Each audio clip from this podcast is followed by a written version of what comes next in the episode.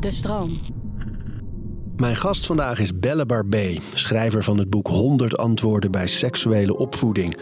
Een aflevering dus over praten over seksualiteit. Wat is een mens zonder houvast in zijn manier van leven? En ieder heeft een handvat en eigen rituelen. Orde in je hoofd zodat alles te overzien is.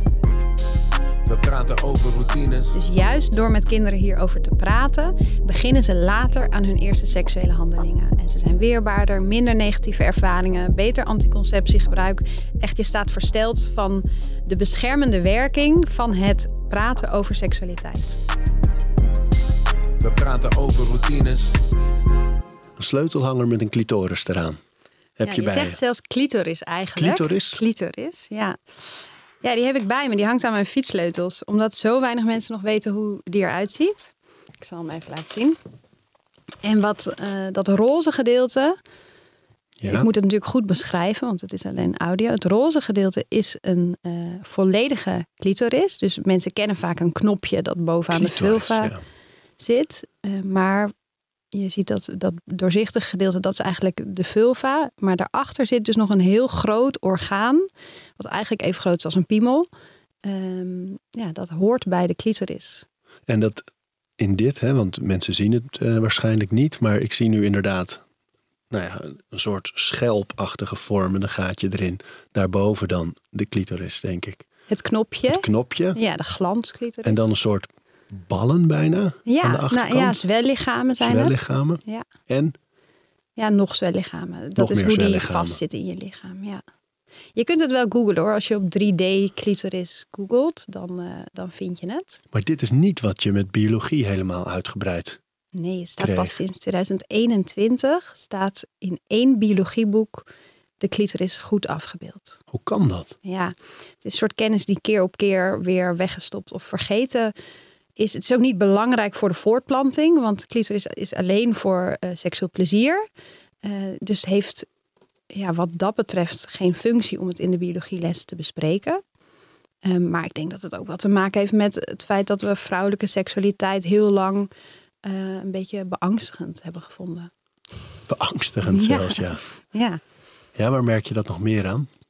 Nou, je ziet het in sommige landen nog steeds het feit dat ze aan meisjesbesnijdenis doen. Ja. omdat ze het idee hebben dat eh, je daarmee de lusten inperkt.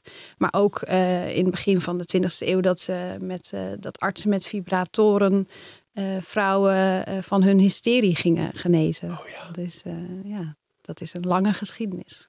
Ongelooflijk, hè? Ja, Maar sinds 2021, zei je, staat het er goed in. in één biologieboek. Maar ik zag bij jou eh, in je stories op Instagram ehm, dat jij een Aletta Jacobs eh, lezing of zo ergens ging houden. Want zij had het in 1800 99. al wel goed in een Ja. boek staan. Ja, klopt. Dus dat is, het is echt al wel lang bekend, maar het is weer keer op keer eh, eh, ja, weggestopt eigenlijk. En in 1899 dus en in 1996 is het weer opnieuw herontdekt door een Australische uroloog. En 14 februari ga ik inderdaad een lezing geven over de clitoris en wat we er eh, nog niet van weten. En eh, ja, daar kan je ook langskomen. Ja, mensen kunnen zich ook opgeven als ze daarbij zeker. willen zijn. Ja, het heet Wat een stuk van Atria. Leuk man. Ja, Maar en vertel eens over waarom... Kijk, jij bent natuurlijk seksuoloog. nee. Nee? Nee, seksuoloog is echt therapeutisch. Ah. Eh, ik ben pedagoog van Ah. achtergrond. En ik heb me gespecialiseerd in seksualiteit bij kinderen, jongeren, mensen.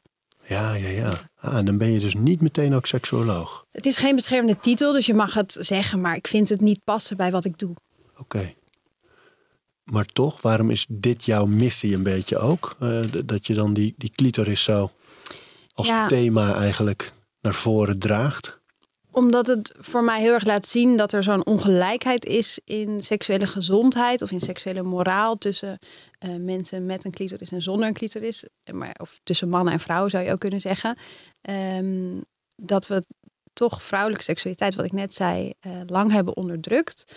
En dat zie je nog steeds. En je ziet het ook al op hele jonge leeftijd. Als je bijvoorbeeld kijkt naar kinderen die aan hun eigen geslachtsdelen zitten.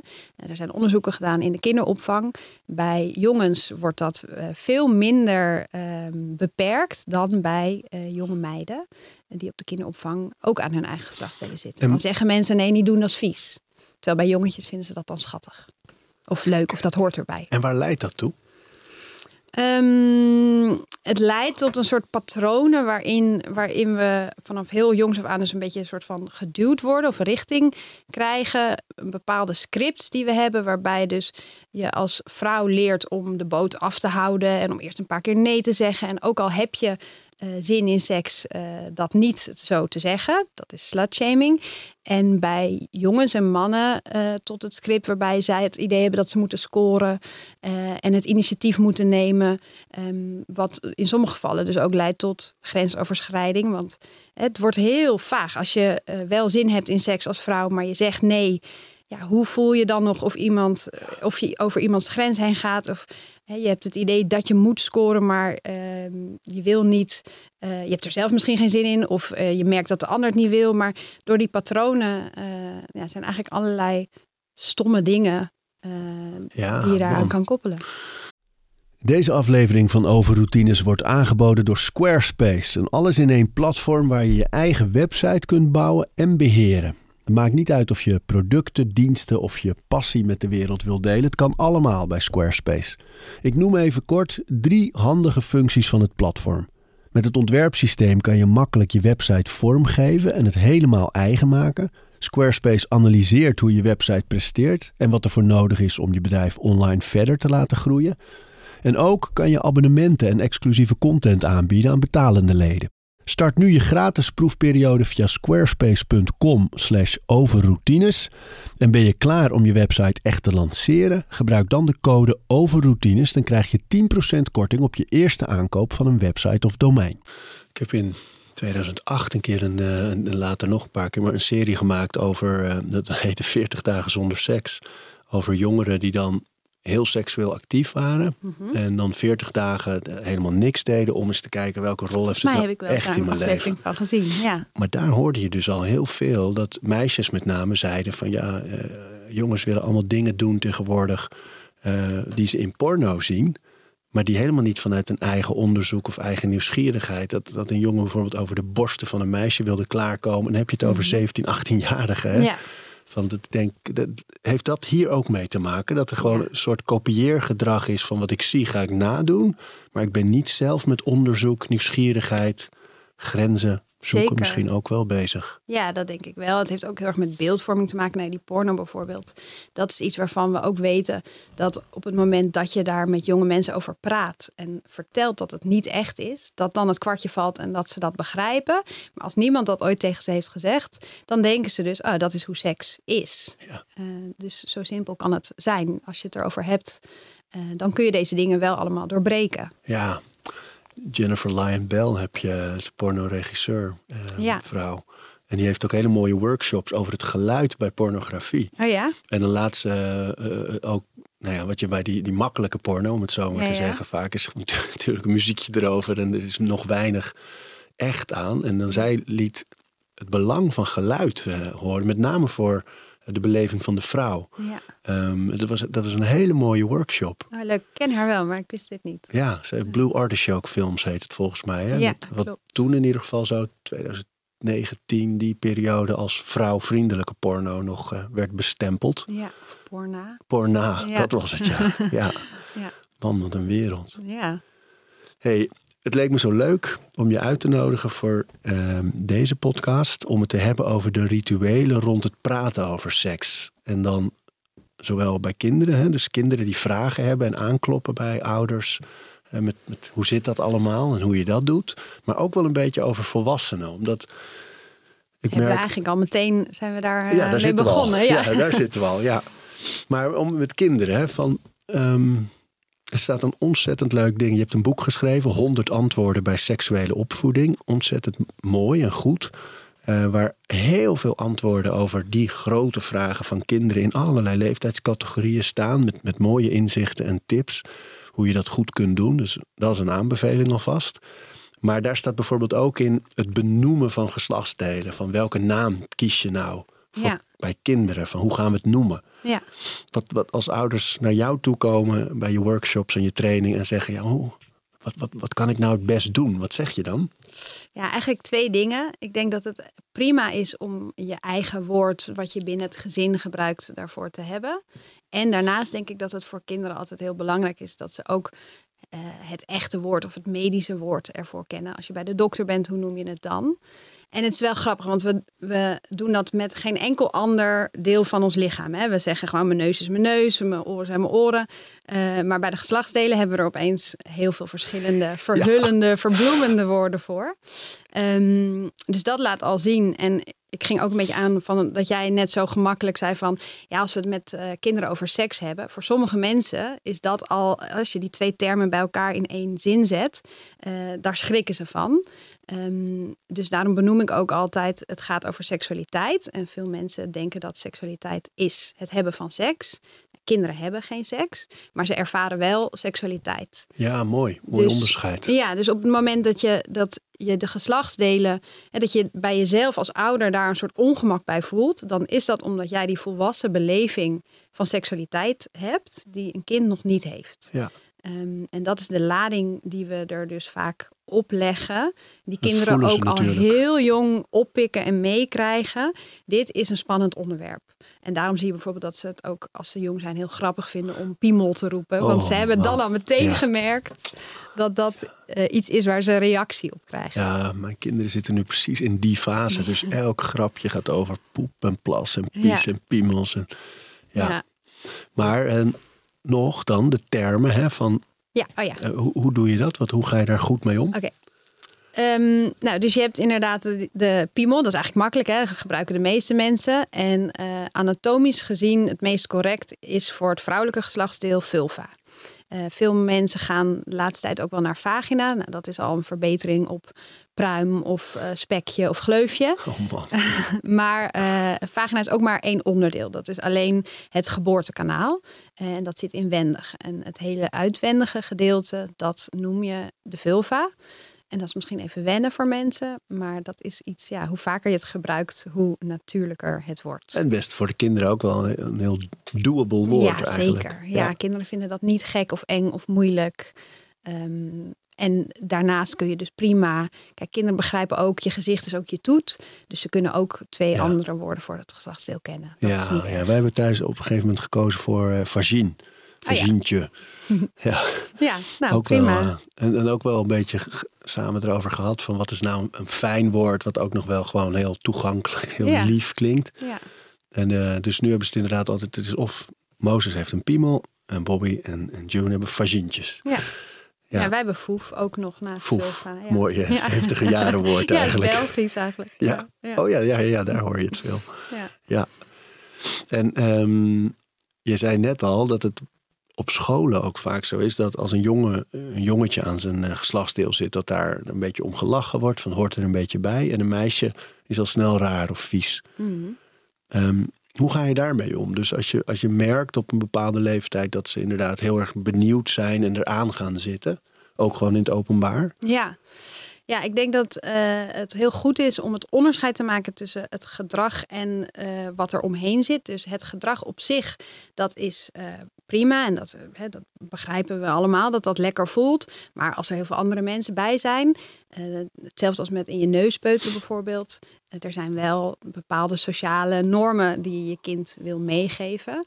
Dus zeg niet, stop daarmee, dat is vies of dat is niet oké. Maar zeg, ik, ik zie het of ik snap dat het lekker voelt, ehm, maar dat mag je op je kamer doen. En dat verschil, dat is eigenlijk genoeg om een kind niet het gevoel van schaamte over het eigen lichaam mee te geven. Ja, goeie. Ja, ja ik, ik denk bij alles, hoe doen we dat nu? Maar dat is precies, ja, mijn vrouw ehm, is vooral opgevoed door haar moeder, met een zusje nog. Dus een hele vrouwelijke, hele makkelijke lichaamsomgeving eigenlijk. Ja. Het was allemaal heel vrij en open. En dat merk ik nu, hoe fijn dat is ook eh, naar onze eigen kinderen. Dat, dat ze heel precies dat eigenlijk heeft gezegd. Dat ehm, nou ja, als ze dan inderdaad in bad of zo. Of een, eh, dat je dan inderdaad zegt, joh, doe dat maar als je alleen bent. Of Ja. als je in bed bent. Of inderdaad niet waar iedereen bij is. Ja. Ik had ook laatst in bad met mijn dochter dat ze zei: Oeh, dit kriebelt. En dat ze dan zo bij haar clitoris met haar vinger zat. En dat ze zei: Kan jij het bij mij doen? En toen zei ik: Nou, dat is niet iets wat grote mensen bij kinderen doen. En dat is dan ook weer eigenlijk een, een soort haakje. Ja, kinderen geven je voortdurend haakjes om even zo'n moment van seksuele opvoeding aan vast te knopen.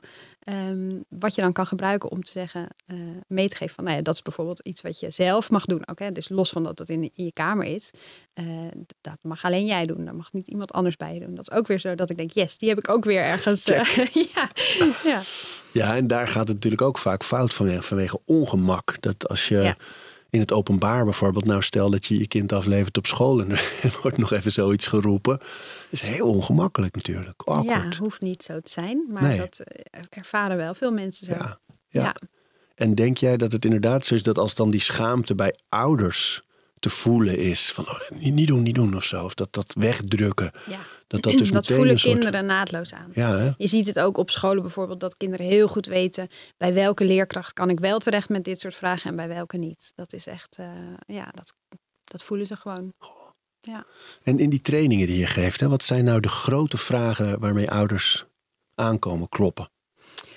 Uh, heel veel ouders willen weten, uh, is, is het normaal dat mijn kind uh, in bijvoorbeeld aan de geslachtsdelen zit? Um, ook hoe maak je de dingen bespreekbaar? Hoe maak ik mijn kind weerbaar? Oh, Zeker ja. na dingen rondom de voice bijvoorbeeld. dan Hele zijn, MeToo-situatie. Ja, ja, zijn ouders daar natuurlijk echt mee bezig. En het is ook een belangrijk onderdeel wat ik er zonde aan vind, is dat we heel erg focussen op de grenzen. Uh, hoe geef ik mijn grens aan? Wat wil ik niet? Terwijl ik ben heel erg van mening dat als je het vanuit het positieve benadert en, en weet wat je fijn vindt, en uh, dat je dan ook de kaders weet van wanneer je het niet meer fijn vindt.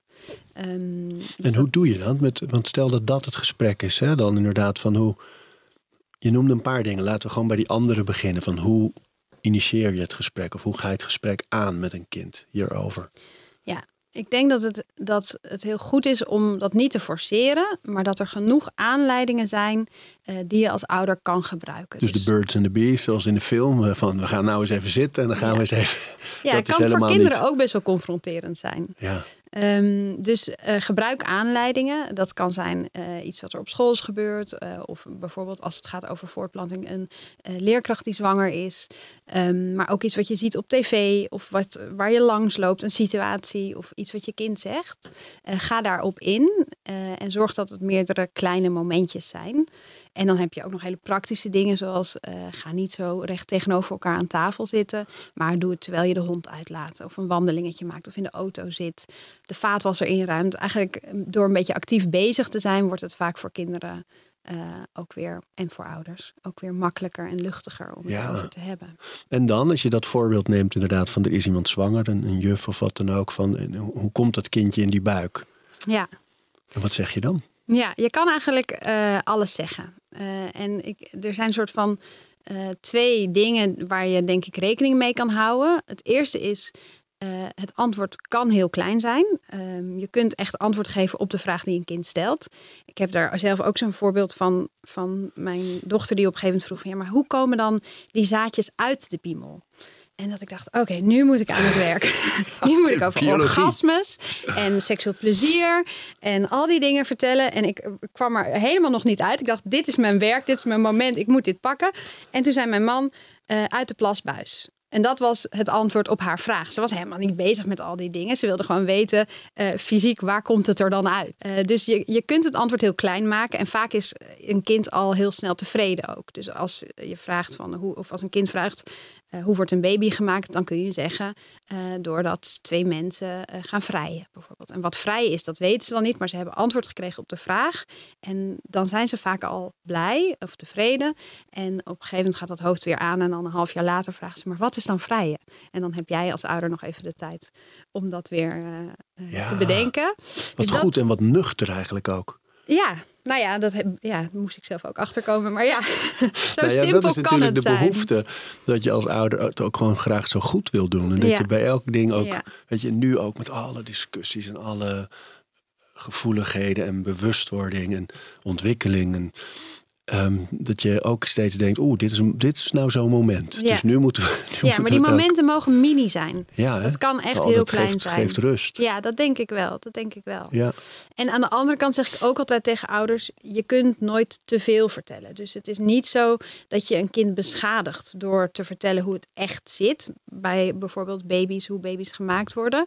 En soms is het zelfs het verhullende antwoord dat een ouder geeft, wat beangstigender kan zijn voor een kind.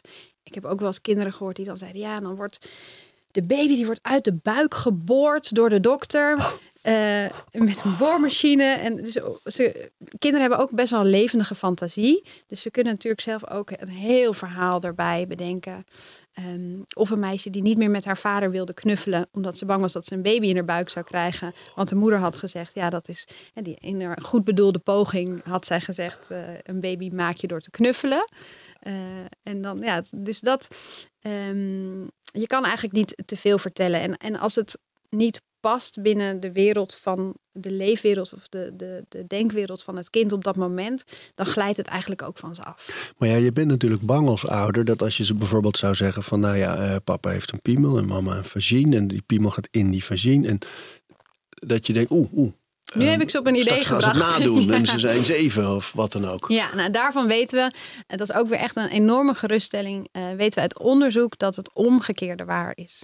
Dus juist door met kinderen hierover te praten, beginnen ze later aan hun eerste seksuele handelingen. En ze zijn weerbaarder, minder negatieve ervaringen, beter anticonceptiegebruik.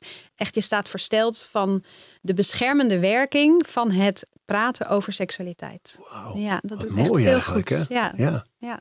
Zo, ja, dit wil je van de daken schreeuwen eigenlijk hè? ja zeker. Ja. ja. En eh, ehm, je zei net over die weerbaarheid, hè, met zo'n inderdaad zo'n zo'n voice situatie. En nou ja, wereldwijd is dit natuurlijk een enorm thema, wat Mhm.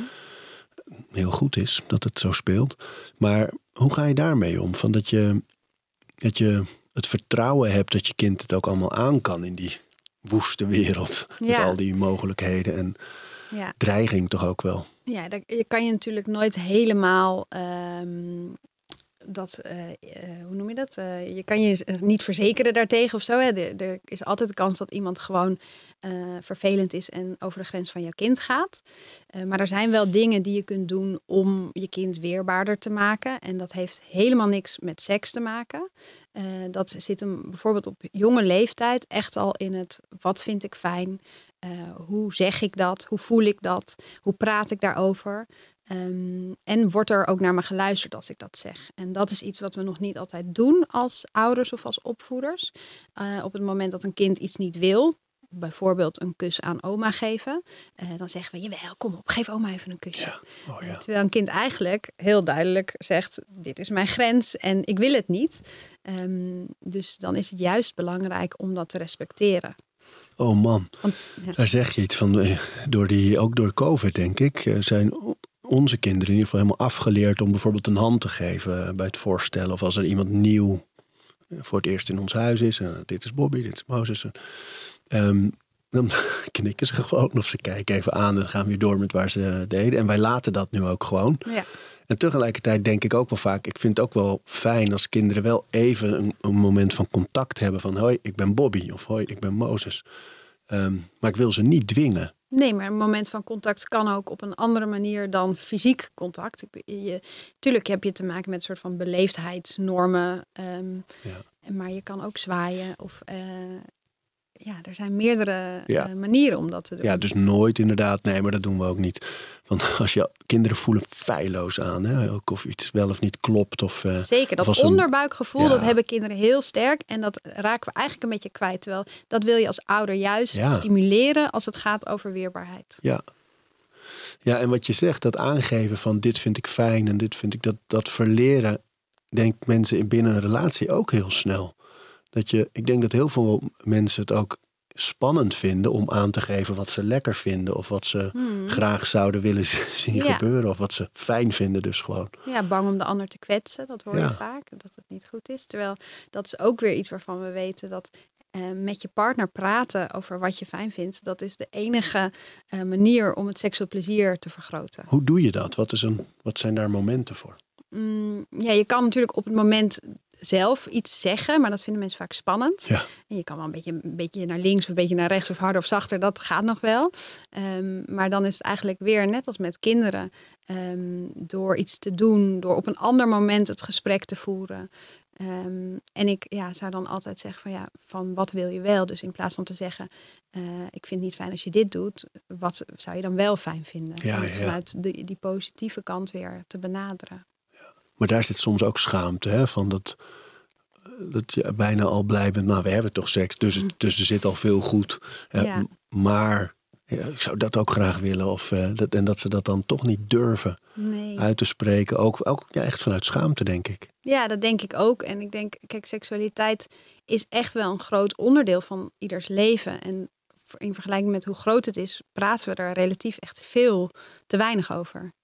Dus eh, ja, dat gesprek starten en, en blijven voeren. En dat is ook iets wel waar je beter in wordt als je het oefent of als je het vaker doet. Het is, ja, ook als je het nu lastig vindt, wil niet zeggen dat dat altijd zo moet blijven. En is het zo bij het gesprek over seksualiteit, ehm, dat net zoals bij andere dingen waar kwetsbaarheid voor nodig is, dat het ook helpt om dat meteen aan het begin aan te geven van ik vind het moeilijk om dit te zeggen, ik vind het spannend om dit aan te geven, maar Zeker, ja. Ja? ja. ik s- sprak gisteren ook nog een biologiedocent op de middelbare school.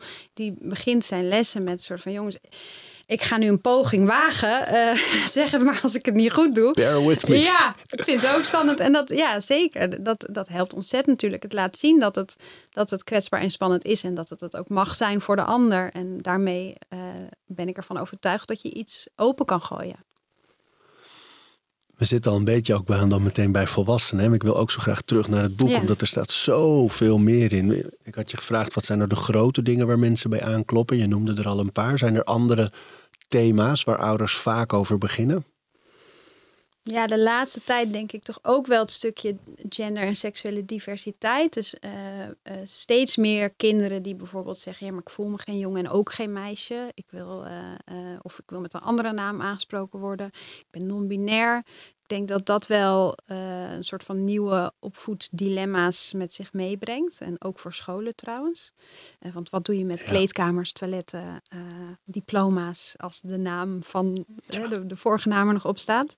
Ehm, en ik denk dat, dat dat ook een ontwikkeling is die eigenlijk heel mooi is, omdat het weer mensen veel meer de persoon laat worden die ze eigenlijk al waren. Ehm, maar dat daar meer ruimte voor is gekomen. Ehm, Maar ja, wel hoe je daarmee omgaat. Hè? Ik heb wel eens een verhaal gemaakt over een eh, meisje, Suus, zes. eh, in een eh, vrij gelovig, christelijk gelovig gezin. En die ouders waren eerst heel bang voor, voor eh, eh, genderdysforie, voor Mhm. transgender. En ehm, dus die hielden dat een beetje af. Maar die zagen dat eh, Stijn, was het dan nog, steeds na school echt met buikpijn terugkwam. En dan op een gegeven moment hadden ze besloten van dat ze dan ehm, op haar verjaardag mocht ze in een jurk naar school. En dan kwam ze helemaal vrolijk en blij en licht eigenlijk. Kwam Mm. ze steeds weer daarvan terug. Dat waren de mooiste dagen van het jaar. ja. Dus toen hebben ze toch stapje voor stapje durven kijken naar... oké, hoe zorgen we ervoor dat zij blij is, dat zij gelukkig is. Maar op een gegeven moment komt dan wel de beslissing... gaan we nou ehm, eh, ja, hormoonremmers en, Hmm. en gaan we die, die kant op, echt al... Ehm, terwijl, ja, we hebben het ook over een kind van zes... dat misschien nog in allerlei fases komt van, van twijfel en onderzoek. En eh, dus het, oh man, zo moeilijk om de juiste koers te kiezen eigenlijk als ouder. Hoe, Heel moeilijk. Ik denk dat er gelukkig wel heel veel eh, instanties, noem je dat instanties, in ieder geval polies zijn die je daar inmiddels echt goed bij kunnen ondersteunen. En wat ik een hele fijne ontwikkeling vind, is dat we veel minder eh, in die twee hokjes van man en vrouw zijn gaan denken. Dus het is niet meer. Vroeger, als je eh eh, genderdysforie had en je was geboren in het lichaam van een meisje en je voelde je geen meisje, dan moest je maar een jongen worden. En dan moest je ook meteen alle eh transitie eh, dingen die er mogelijk waren doen.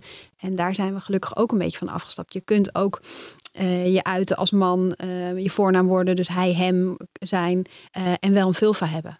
Dat mag tegenwoordig en dat kan tegenwoordig. Dus ja, mooi hè? die ruimte, eh, ja, die is er wel steeds meer aan het komen. Ik weet nog, eh, toen ik opgroeide, geen internet uiteraard. Ehm, dat je dan in boeken, Hmm. hele passages, eh, dat, dat je daar maar je seksuele onderzoek eigenlijk een beetje deed. Van wow, wat staat hier nou allemaal? De boeken van Henry Miller bijvoorbeeld, of Anais Nin, die stonden bij ons in de kast. Henry Miller dan heel mannelijk seksueel, Anais Nin heel vrouwelijk. Maar wel uitgebreide, eh, Ja. zeer ouderwets nu, maar Ja. omschrijvingen van, van, van seks. En dat was Nou, echt dan heb je, had je nog mazzel. Want Ja. sommige mensen moesten het doen met de pornoblaadjes die ze onder het matras vonden. Ja, die hadden we ook. Wij vonden ze dan in een bouwketen ergens. Dan stond er ergens een bouwketen in het dorp. En dan wisten we, als je die deur openbrak, dan lag Oh, ja. altijd wel een hele stapel van dat soort blootblaadjes. En eh, Ja. ja. dat was ook. Maar dat was bijna te veel voor die, voor die kinderhoofdjes. Eh, want, want de waarde daarvan, voor mij in ieder geval, was wel heel erg dat ik mijn eigen voorstellingsvermogen moest ontwikkelen. Dus, dus ik las het in een boek, maar ik moest het plaatje bedenken. En dat, eh, ik, ik heb dat als heel positief ervaren. Terwijl Ja. later, als je als, als kind of als, als, als tiener en, en zeker ook die jaren daarna eh, porno gaat bekijken, dan wordt er bijna te veel ingevuld. En dan betrapte ik mezelf er ook op dat ik dingen na wilde doen als ik dan eens met iemand was. Hmm. En eh, dus dat eigen onderzoek en dat eigen, de eigen fantasie eigenlijk, eh, dat mis je dan een beetje. Dat, en dat lijkt me nu weer, voor kinderen nu, er is zoveel beeld Ja. en zoveel voorbeeld in dat opzicht. En ze Dat het- komen er echt vroeg mee in eh, Ja, aanraking ook. Ja, Ja. Maar heel moeilijk om je eigen koers te bepalen. En, eh, heb je daar advies over? ja, het is misschien zo'n open deur, maar het, het gesprek daarover hebben, dat is gewoon het, het belangrijkste wat je kan doen. Want je kunt eh, allemaal filters instellen op je computers thuis, maar dat kinderen zijn, gaan er zo omheen als ze er naar op zoek zijn. En eh, daar voorkom je het niet mee en dan, of dan hoogstens stel je het een beetje uit. Ehm, maar juist erover praat van wat zie je en ook hoe, eh, wat doe je als je iets ziet wat je niet wil zien. En ehm, is het echt wat je ziet? En hoe, waar vind je dan wel de informatie die je wil vinden? Wat zijn, wat zijn websites waar je terecht kan? Ehm, Heb je die paraat? Ja, voor jongeren heb je bijvoorbeeld Sense. Eh, Oh ja. Daar kun je ook altijd chatten met mensen. Ik heb zelf de website gemaakt. Dat is eh, seksuele voorlichting eh, op een kunstzinnige manier. Ehm, er zijn tegenwoordig best wel veel platformen voor jongeren. En voor kinderen zijn er hele mooie boeken. Ehm, van Sandrijn van der Doef, dat Oh is ja. mijn mentor. Ja, die heeft ook het Eh, voorwoord in je boek geschreven. Ja, precies. Eh, zij, heeft, zij is wel Ja, seksuoloog. Officieel. Officieel. Ehm, zij heeft eh, ja, echt boeken voor kinderen vanaf vier geschreven. Ehm, dus dat is ook een, weer een hele mooie aanleiding. Hè? Een paar van die boeken in de boekenkast zetten. Of op de wc leggen. Dat je even als je privé, als je in je eentje bent, erin kan kijken, bladeren. Ehm, dat zijn aanleidingen, maar het ging over internet. Ja, eh, kijk samen naar welke websites eh, eh, je geschikt vindt en, en praat erover met elkaar. En doe dat. Nou ja, we weten uit een onderzoekje van het Jeugdjournaal dat kinderen tussen 9 en 12, daarvan heeft 80% wel seksuele beelden gezien op internet. 80 procent. Ja, dus dan wil je eigenlijk voordat je kind 9 is, zou je het hier al over kunnen hebben. Ehm, want je kan je voorstellen, net als bij bijvoorbeeld de eerste menstruatie, dan is het ook heel fijn om te weten voordat je eerste menstruatie is wa- wat het betekent en dat je er niet van schrikt. En dat is eigenlijk met beelden op internet hetzelfde. En je wil daarover gepraat hebben met je kind voordat je kind eh, beelden op internet heeft gezien. En dat gesprek, hoe weet je dat, dat, dat, eh, dat het kan? Of dat, het, dat, het, eh, dat de tijd aanstaande is? Nou, je kan heel mooi eh, de vraag stellen van... Goh, ik hoorde van een vriend of vriendin dat hun kind dit en dit. Dus dan, dan vraag je niet rechtstreeks naar... heb jij wel eens dat gezien? Maar dan leid je het een beetje af. Of iets op school, dat, je weer, dat het niet zo confronterend is. Ehm, en vraag ernaar, ja. Het is natuurlijk heel mooi als je thuis eh, of op een andere plek... de, de omgeving hebt gecreëerd waarin het vertrouwen en de veiligheid er is om over dit soort dingen te praten. En als die er niet is, moet je niet zomaar eh lukraak dit op tafel gooien van goh, kijk jij als porno. Ehm, maar ja, als je werkt aan die basis van veiligheid en vertrouwen, dan denk ik dat het heel goed dit soort dingen ook bespreekbaar zijn. Ja, en dit kan dus ook niet te vroeg. Nee, want die, aan, aan die basis kun je echt al vanaf de geboorte werken. Ja? Ja, want dat gaat dus over het benoemen van de geslachtsdelen. Of ehm, die kleine haakjes samen in bad. ehm, ja, dat zijn allemaal dingen die je al vanaf eh, nul jaar, af en toe die luier uit bijvoorbeeld, zodat ze de kans krijgen Ja. om aan hun geslachtsdelen te zitten. Dat zijn Oh man, kleine dingen die je kan doen. Ja, wonen op een boerderij. En ehm, onze kinderen lopen de hele zomer bloot rond op, Ja, die- op dat heerlijk. erf. En dat vinden ze zo lekker dat Ja. het in de winter soms moeilijk is om een jas aan te krijgen. Of om ze, nee, je moet echt sokken aan naar school. Want Ja. nee, lekker bloot. ja. En ik merk dat ik dat heel fijn vind ook. Dat, dat, eh, dat die ook. vrijheid er is en die ruimte. Ehm, ja, want ik vind het best wel moeilijk hoor. Ik, ik, ik, ik, ehm, ja, ja, het is, er ligt soms zoveel druk op, weet je wel. Dat het, als seksualiteit, als dat niet goed gaat, daar heb ik ook genoeg voorbeelden van gezien in mijn leven. Van mensen die een verstoorde relatie met seksualiteit hadden. Of een, Ja, maar ik wil niet zeggen dat als je het niet doet, dat je dan automatisch een verstoorde relatie met seksualiteit hebt. Maar ik denk wel dat het goed is om te beseffen dat wat je op hele jonge leeftijd al kan doen, ja, ervoor eh, kan zorgen dat je als volwassene een plezierige beleving van seksualiteit hebt. Dus dat het een gezonde ja, relatie met seksualiteit is. Dus dat dat. En het is niet. Ja, die druk. Daar wil ik bij wegblijven. Ik vind niet dat, het goed, of- dat je het goed of fout kan doen. Maar ik denk dat het voor veel mensen een inzicht is dat wat je op die jonge leeftijd doet, echt wel bij kan dragen aan hoe je dat als volwassene ervaart. ja, ja, ja. dat en dat die een vrijheid erin positief zit. hè. effect kan hebben, ja. ja. Ja, wij gaan ook altijd heel bewust, weet je, dat ze, dat ze ook zien dat je elkaar knuffelt en zoent en gewoon heel fysiek bent samen. Ja. Die, eh, ja, En het is ook niet erg als je als ouders een keer ruzie hebt, waar de kinderen bij zijn. Maar, eh, want seksualiteit gaat ook over het relationele aspect natuurlijk. Eh, maar dan is het bijvoorbeeld heel mooi als je het ook weer goed maakt waar de kinderen bij zijn. Want dan leren ze ook, nou je kan ruzie hebben, maar je kan het ook weer goed maken. ja, het is ja, allemaal terug te, te brengen naar eigenlijk die hele, dat adagium van ze doen niet zozeer wat je zegt, maar ze doen wat je doet. Hè? Dus Zeker. je moet toch allemaal moet laten het zien. voorleven. Ja, Ja. oh man.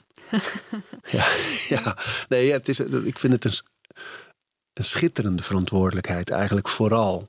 Alleen ik ben me er ook wel heel erg van bewust altijd. En ik merk dan wel dat als je als het leven verder eh, redelijk vol met andere prioriteiten zit, eh, dan eh, ik ben best wel bang vaak dat ik te veel laat liggen nog, weet je wel, Hmm. in opvoeding. Dat ja, maar niet snel misschien. nee, ik nee. zou niet zo'n zorgen maken. nee, nee, nee, nee. Als ik het zo hoor. Nee, nee, nee, ik ben, ja, ben er ook heel erg mee bezig tegelijkertijd. Ja. Ja.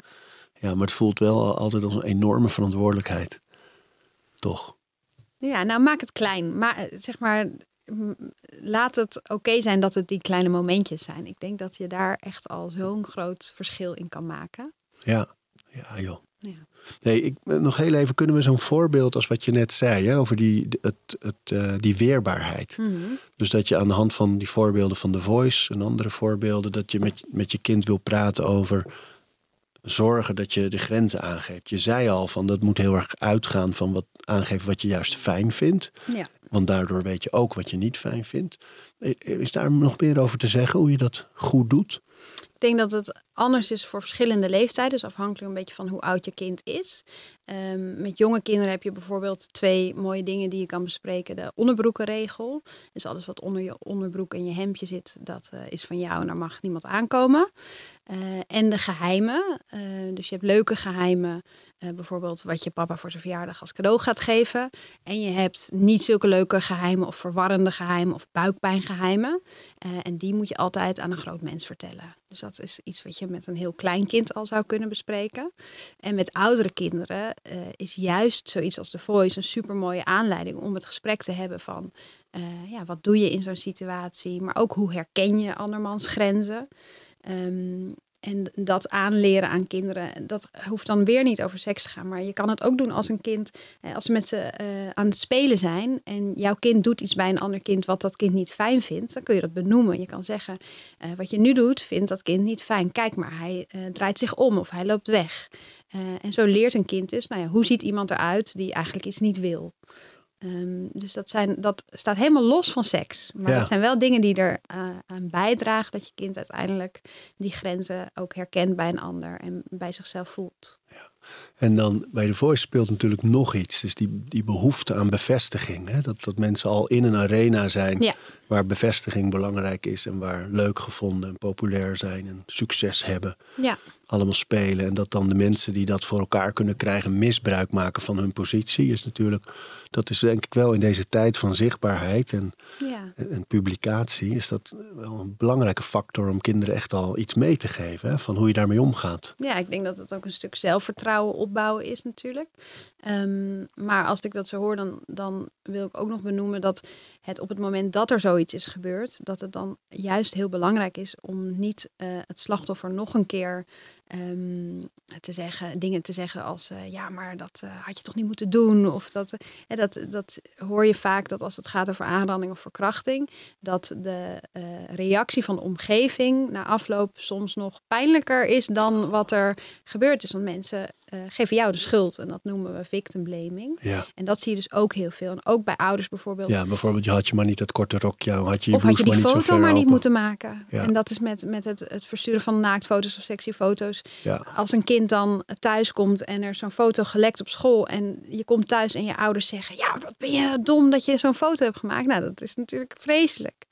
Eh, dan wil je alleen maar steun en liefde ontvangen. En eh, degene die die foto doorgestuurd heeft, dat is de, de, De boef. rotzak. Ja, de boef, ja, precies. In dit geval, ja. Ja. En hoe geef je dat mee? Dat... Dus ik kan me voorstellen dat je als ouder in een emotie wel meteen zegt, oh, hoe kon je nou, weet je wel? ja. Hoe, zijn daar, is daar een leidraad voor of hou vast? Nou ja, ook als je dat doet, kan je daarop terugkomen natuurlijk. Op het moment dat je, dat, dat je dan denkt, ah shit, dat had ik echt niet moeten doen. Zeg dat dan gewoon tegen je kind. Eh, dat is echt niet erg om eh, ehm, te zeggen. Ehm, ik denk dat op het moment dat je kind iets vervelends heeft meegemaakt, dat, je, dat jouw rol als ouder echt is om je kind te ondersteunen. En eh, dat een, hè, of het nou te maken heeft met iets wat, waar ze zelf eh, onhandig iets in hebben gedaan of niet. Eh, je kind heeft op dat moment vooral en eigenlijk alleen jouw steun en liefde nodig. Ik, ik vertelde dat je kwam aan mijn vrouw en toen zei ze, oh ja goed, en dan moet je ook over, eh, want mannen weten zo weinig van, van vrouwenlichamen. En toen zei, de meeste mannen weten niet eens hoe lang een tampon bijvoorbeeld in mag eh, zitten. En toen dacht ik, oh, dat weet ik volgens mij ook niet. Dus, dus Ja. ik vroeg het er toen. Maar waarom is dat belangrijk? Ehm, waarom is het belangrijk? Ja, ik denk, ik, nou ja, laat ik beginnen bij hoe het zo komt. Ik denk dat we, dat we dus bepaalde informatie alleen aan bepaalde groepen geven. En dat is zonde. Want eh, er was op een gegeven moment ook een school in opspraak. Omdat ze bij de lessen over menstruatie de jongens eh, hadden laten buitenspelen. Terwijl de meiden dan de les weer over kregen. Eh, en dat is ontzettend zonde, want ze missen de kennis. En de helft van de wereldbevolking gaat menstrueren of menstrueert. Of heeft gemenstrueerd. Ehm, dus eh, ze krijgen sowieso te maken eh, met die mensen. Ehm, dus dat zie je vaak gebeuren en dat is denk ik de oorzaak. Dus daar moeten we sowieso mee stoppen. eh, met bepaalde groepen minder informatie geven.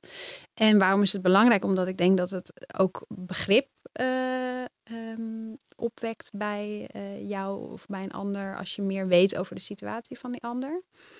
En ja, kijk, verschil in kennis op zich is dat oké, maar ja, op het moment dat het belangrijk wordt dat jij dat weet, dan eh, Ja, en het is interesse natuurlijk ook inderdaad. Dat je gewoon begrijpt, oh, oké, menstruatie. En dat duurt dan een x aantal dagen. En dan daar hoort van alles bij. En er Mhm. gebeurt van alles. Het is natuurlijk ook eigenlijk een vorm van empathie. ja, Als je zeker. erin verdiept. Ja.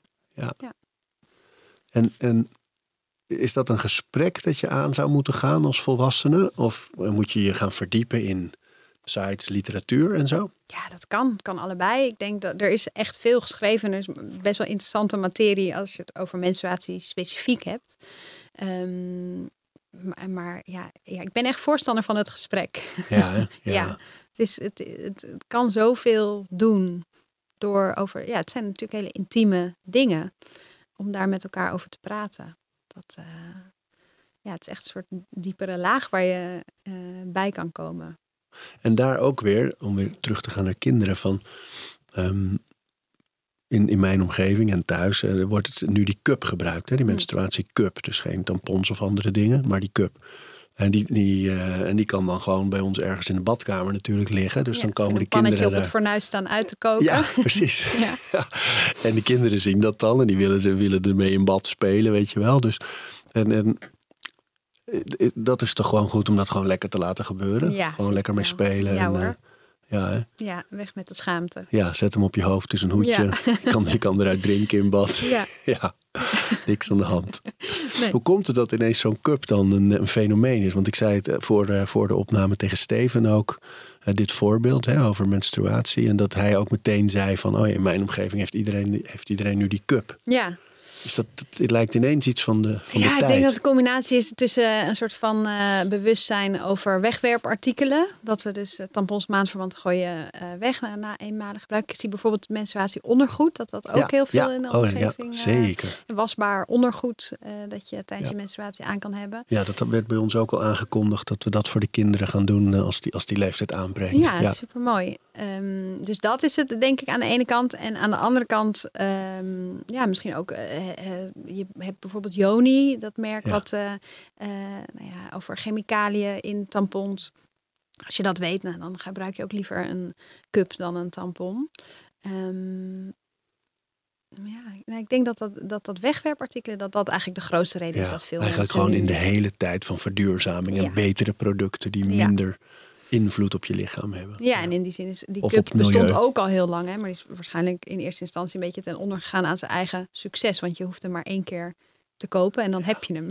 Ja, ja, zo werkt het ook. Ja, Hey, en over man-vrouw, hè, in, in dit tijd, want je noemde al even het hele MeToo-verhaal. Mhm.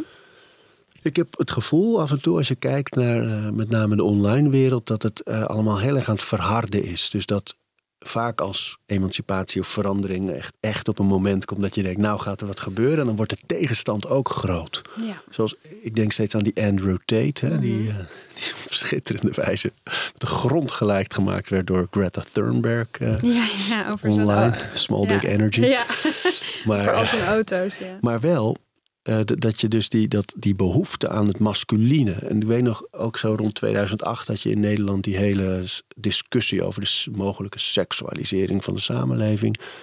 En had je heel veel mannen die opstonden, eh, die bang waren dat de samenleving ging feminiseren. En dat de man geen man meer kon zijn. Ja. En dat is nu weer dat geluid bij mensen zoals zo'n Andrew Tate van you gotta be masculine and you gotta Ja. be en, en nee is geen nee en dat is heel.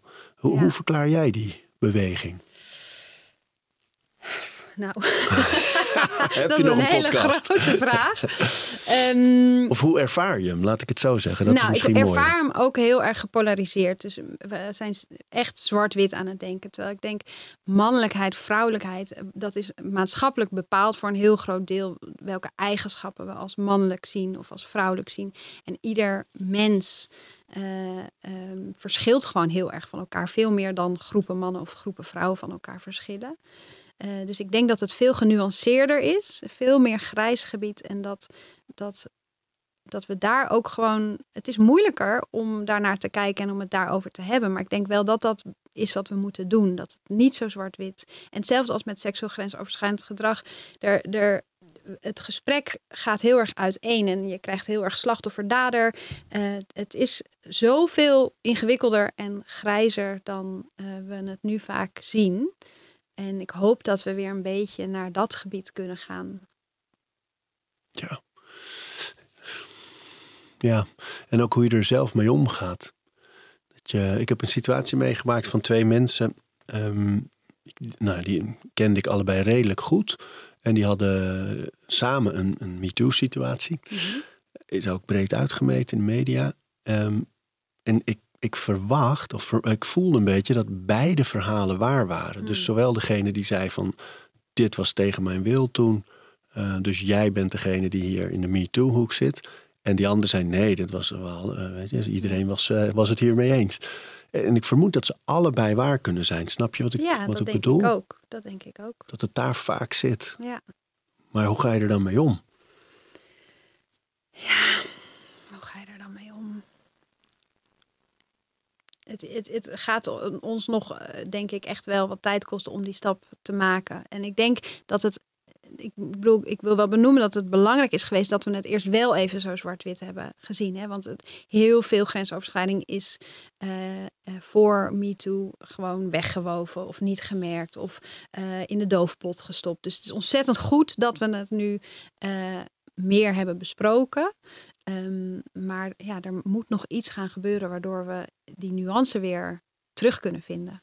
En ook wel het, het taboe of de spanning die erbij hoort. Want, want er is natuurlijk ook een, een hele leuke spanning rond uh, ja, die, die verkenningsfase. Ja, uh, ja en dat is iets wat ik, wat ik jongeren ook altijd heel graag wil meegeven. Is seksualiteit en het ontdekken van seks en uh, beginnen met seksuele handelingen is ook een beetje rommelig. En je kunt, ja, is, goed is woord, gewoon ja. wat het is. En je kan wel weten wat je wil en wat je niet wil. Maar soms gaat iemand je grens over terwijl je helemaal niet wist dat dat je grens was. Um, en heb je daardoor ontdekt dat het een grens was. En dat is ook oké. En dat mag ook. En dat mag ook rommelig gaan. En dat zie je ook dat jongeren dat nu aangeven. Dat ze eigenlijk de druk om ook seks meteen goed te doen. Uh, op het moment zo hoog is dat ze dus ook veel later beginnen aan hun eerste keer. Uh, omdat ze gewoon niet meer durven te experimenteren. Omdat ze bang zijn om fouten te maken. En dat is zonde. Dat is echt zonde. Maar dan als je dat voorbeeld verder uitwerkt, is dus stel dat die grens even overgegaan is, want je wist helemaal niet dat daar een grens was, daar voel je dan daarna iets bij. Mm -hmm. Die persoon die daarna iets voelt van oei, dat was mijn grens en er is overheen. Ja. Hoe, hoe gaat die persoon verder? Ja, ik zou, ik zou het. Ja, dat hangt ervan af hè, hoe erg die grens is overschreden. Dat kan je natuurlijk misschien niet zo makkelijk zeggen. Maar je kan, het, je kan zeggen van, oh sorry, maar dit ging echt... Te, uh, ik voel me hier toch niet bij op mijn gemak. Uh, tegelijkertijd weten we dat heel veel mensen niet in het moment zelf dat altijd lukt om dat te zeggen. Uh, en dat is ook niet erg, want dat kan gebeuren. En afhankelijk van hoe erg grensoverschrijdend het was voor jou, denk ik dat je er of iets mee moet. Of dat je kan zeggen, uh, ja, dat was het. Ik heb ook wel eens uh, grensoverschrijdend gedrag meegemaakt. Maar voor mij was dat niet groot genoeg om iets mee te doen. dan voelt het als minder energie of moeite om het gewoon te laten. En dat mag ook, vind ik. Ja, ja. Ja, maar dat maakt het wel een heel moeilijk veld, hè? Ja. En dat je, ja, het, het moeilijk is dat je ook snel een oordeel hebt, merk ik. Als je bepaalde verhalen in de media dan volgt en dat je meteen voelt of denkt, ja, maar. Ja, en dat zijn ook allerlei Hallo? mechanismes Ja. of zo. Die, ik heb het laatst ook inderdaad verhaal van grensoverschrijdend gedrag van iemand die ik heel hoog heb zitten. En dat ik dan merk dat ik meteen ga zeggen, ja, maar... Verdedigen. eh, ja, Ja, dat is meteen wat ik wat je, wat je voelt of zo. En dat is ook wel een, een veelgemaakte valkuil. Dat mensen zeggen, nee, oom Henk, die is toch zo leuk? Dat, eh, en dat is natuurlijk voor een, op het moment dat je echt slachtoffer bent van grensoverschrijdend gedrag... ontzettend pijnlijk als dat de reactie is. Dus daar, daar moeten we onszelf ook bij... eh, Maar wat is dan de goede manier? Van, van, ik had eh, een voorbeeld in het bedrijf van een vriend. Daar was een werknemer die zeer populair was. En heel begaan met de rest van de groep. En die was, was ervan beschuldigd door een, eh, een dame, ook in dat bedrijf. ehm, eh, dat er een MeToo-situatie was. Mhm. Ze hadden een affaire en eh, op een, bepaalde, een bepaald moment was in haar ogen hij te ver gegaan. Ergens in. Ik weet niet of ik hier een antwoord op heb trouwens. Maar... Nee, nee, maar, maar want, want ik weet dat degene die daar de, de werkgever was, die kwam er niet uit. Ja. Want die zei, er is geen aangifte gedaan. Maar je hebt als werkgever wel het gevoel dat je verantwoordelijkheid hebt dat iedereen zich veilig voelt binnen Mhm. jouw bedrijf. Dus die, die neigde heel erg naar de kant van de vrouw, omdat eh, zij zich als slachtoffer voelde. Ja. Ja. Tegelijkertijd kende die, eh, die werknemer, die jongen, heel goed en dacht: nee, dat kan niet, joh. Die is altijd met iedereen, die staat altijd voor iedereen klaar en altijd. Dus dat was bijna een onmogelijke situatie om daar een goede weg in te kiezen. Want Ja. je wil het benoemen, je wil er iets mee doen, Mhm.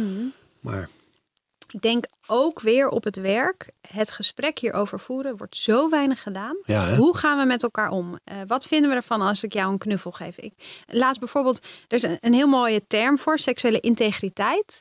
En ik denk dat als we daarvan uitgaan dat mensen eh, echt op een integere manier met elkaar om willen gaan, als dat het basisprincipe is, en je daarover met elkaar in gesprek gaat, wat betekent het dan voor ons in dit team, of dat nou een schoolteam is of een eh, ander team, wat betekent het voor dit team om op een seksueel integere manier met elkaar om te gaan. Ja. En als je dat gesprek voert, dat je dan al heel veel eh, eh, dingen voorkomt eigenlijk. Ik moet ook denken aan die scène uit Claudia de Brijs. eh, uh, conference. Dat ze het had over, vraag je maar af uh, of dit ook een foto is die je naar je moeder zou, Ja. moeder zou sturen, bijvoorbeeld. Ja. Soms is het natuurlijk wel zo zwart-wit van ja, je gaat gewoon, ja, en dan had ze het over dat je, wat je wel kan zeggen, wauw, leuk je haar zo. Maar niet, hé, hey, lekker pakje tijger. Dat, dus dat, dat, soms is het heel duidelijk natuurlijk. Maar er is een gebied. En, dat is, en ik denk soms dat dat ook het gebied is dat seks zo spannend maakt. Van er is ergens een soort zone van we zijn samen iets aan het verkennen. Ehm, kan dit, Ja. kan dit niet? Ja, en tegelijkertijd denk ik dat het niet onsexy kan zijn om wel te praten over wat wil jij, wat wil ik. Eh, eh, Dat consent eh, prima onderdeel kan zijn van dat spannende stuk. Het Ja. is misschien iets meer expliciet gemaakt, maar dat is op dit moment even nodig. Ja. ja. Ja, dat is het. Want nee is natuurlijk gewoon altijd nee. Ik Ja, bedoel, daar- daar moet het al ja mee ervan beginnen. uitgaande dat iemand nee zegt. Ja. Ja. Ja. maar dat is het ook nog. ja, Ja, ja, er zijn ja. natuurlijk ook genoeg andere signalen die iemand kan geven, eh, terwijl die geen nee zegt, die je kunnen doen vermoeden dat iemand iets niet wil. En dat zijn ook al dingen waar je op kunt letten en moet letten. En is er een ritueel of een, een, een, een manier om om te gaan met eh, twee mensen zijn dronken? Er is sprake van seks, van, lief, van de liefde bedrijven. De volgende dag heeft er eentje spijt. Er is een filmpje dat heet T-consent op YouTube. En dat, Tea? Ja, dus eh, eh, en dat ze zeggen eh, consent is zo simpel als een kopje thee. Je vraagt aan iemand: wil je een kopje thee? En zegt diegene: ja, lekker. Oh, ik heb echt zin in een kopje thee. Nou, dan ga je een kopje thee maken voor diegene. Zegt diegene: nou, ik weet niet of, of ik zo'n dorst heb. Nou, dan hoef je geen thee te zetten. Ehm, en dan komt er een hele rits aan dingen van. Eh, Ehm, als ik vandaag een kopje thee voor je zet, wil niet zeggen dat je volgende week zin hebt in een kopje thee. Eh, en dan komen ze ook bij dronken mensen en eh, dronken mensen en met name bewusteloze mensen. Die hebben geen zin in thee. Die ga, je gaat niet als iemand bewusteloos is alsnog je kopje thee in zijn, Gieten. in, je, in zijn mond gieten. En als je ziet hoe belachelijk dat is, nou ja, bedenk dan eens hoe het zou zijn met seks. Eh thee-consent. In het Nederlands is hier ook, maar in het Engels is hij wat sterker. Maar ja, want dat is dan de situatie dat er eentje dronken is en die ander niet. Maar Ja. ik, denk, ik zie steeds twee tieners vormen die voor het eerst flink gedronken hebben. En, en, en het meisje denkt, of de jongen trouwens, denkt de volgende dag, eh, oh, oh, Ja, ik denk dus echt dat dat er een beetje bij hoort. Dat is dat experimenteren. En dat is, ja, soms gaat iemand over een grens. Of wat ik eerder al zei, dan wist je niet dat dat je grens was. En heb je ergens een beetje spijt van. En als dat niet echt heel vervelend is geweest, dan mag je eh, er ook voor kiezen om dat te laten. En dan, eh, dat is dat rommelige of dat grijze gebied. Dat is er gewoon. En dat, dat zal voor iedereen ook anders voelen. En eh, Ja, het gaat gisten. Hè? Ik heb het zelf meegemaakt met een buurjongen. Die, toen was ik 14, 15 denk ik. Dronken gevoerd. Hij was zelf misschien ook wel dronken, maar ik was veel jonger. En, ehm, en het achteraf zo viezig voelde. Terwijl er was geen sprake van seks, maar wel seksuele handelingen. Ehm, dat ik, ik denk wel 15 of 20 jaar lang gewoon zo geschaamd heb erover. Dat ik nooit heb uit durven spreken. Ehm, maar dat ik wel degelijk heel erg meteen die volgende dag voelde. Maar dit ging Ja. veel te ver. Dit wilde ik niet. En ehm, dat, pas, dat is wel het mooie van Me Too, denk ik. Dat het, on, het geeft een soort vrijbrief om over dat soort ervaringen alsnog te praten. En de bevrijding die dat ook kan geven. Van, oh ja, gelukkig. Het was, en toen eh, was een andere jongen uit onze vriendengroep die naar me toe kwam en zei: Ja, dat heb ik ook met hem meegemaakt. Dus toen dacht ik: Ah, ja. was, ik was het niet. Het was, Ja. eh, weet je, dus dat is wel heel mooi wat er ontstaat aan een soort ja, eh, beweging, echt wereldwijd natuurlijk. Dat, dat het bespreekbaar het mag. Ja, gemaakt mag worden. Ja. Ja, zeker. ja. Komen we er toch weer op uit. Ja, ja, dat praten, praten, praten, Ja. praten. Maar ook van gewoon het mooie van seks. En, en tegelijkertijd het donkere ervan. Dat, dat is toch een, eh, wat een gevoelig, gevoelig thema. Hè? Ja. Ja. Hey, en en ehm, als ik je mag vragen hoor, van, want eh, je hebt ook kinderen en, eh, en een werkende man. Ehm, hoe doen jullie dat thuis met, als het gaat over seks? Met, ah, spreek je echt af van dinsdagavond? of laat je het gebeuren? Ja, een beetje van allebei, denk ik. Wat werkt op dat moment. Soms moet je het, eh, eh, ja, moeten wij het echt er gewoon een moment voor kiezen. Omdat Ja. het anders niet gebeurt. Ja, hè? Ja, Maar soms ge- gebeurt het wel in één keer. Ja, maar niet vaak als je... Nee, Dat is het. zoveel kinderen hebt en ja, kleine kinderen. En eh, ja, Ja, maar alles is een fase. echt in een fase van plannen. Ja. En bij ons slaapt de, de jongste van twee, die slaapt nog eh, eh, in zo'n co-sleeper in onze slaapkamer, dus Mhm. naast ons bed. Ehm, dus ja, nee, voor ons is het ook echt plannen en eh, zo. Maar dat is ook leuk, merkten we van de week. Omdat je er ook naartoe gaat leven dan. Van, eh, je weet wel, Ja. we hebben het er vanmorgen over gehad. En vanavond is het zover. Ja. Er zit iets heel leuks aan. Dat je de hele dag al eigenlijk met opwinding en gedachten bezig ja, bent. het is gewoon voorspel vanaf het Ja. moment dat je hebt bedacht. ja, maar dat had Vanavond ik, had ik nooit gebeuren. gedacht voordat ik zelf in zo'n situatie kwam. Ja. Dat dat zo, eh, zo leuk ook kan zijn om er eh, zo naartoe te leven. Terwijl er is natuurlijk ook heel veel te zeggen. En wij verlangen ook echt wel naar die tijd weer. Dat je gewoon totaal impulsief... Spontaan. Ja, ja, ja, ja.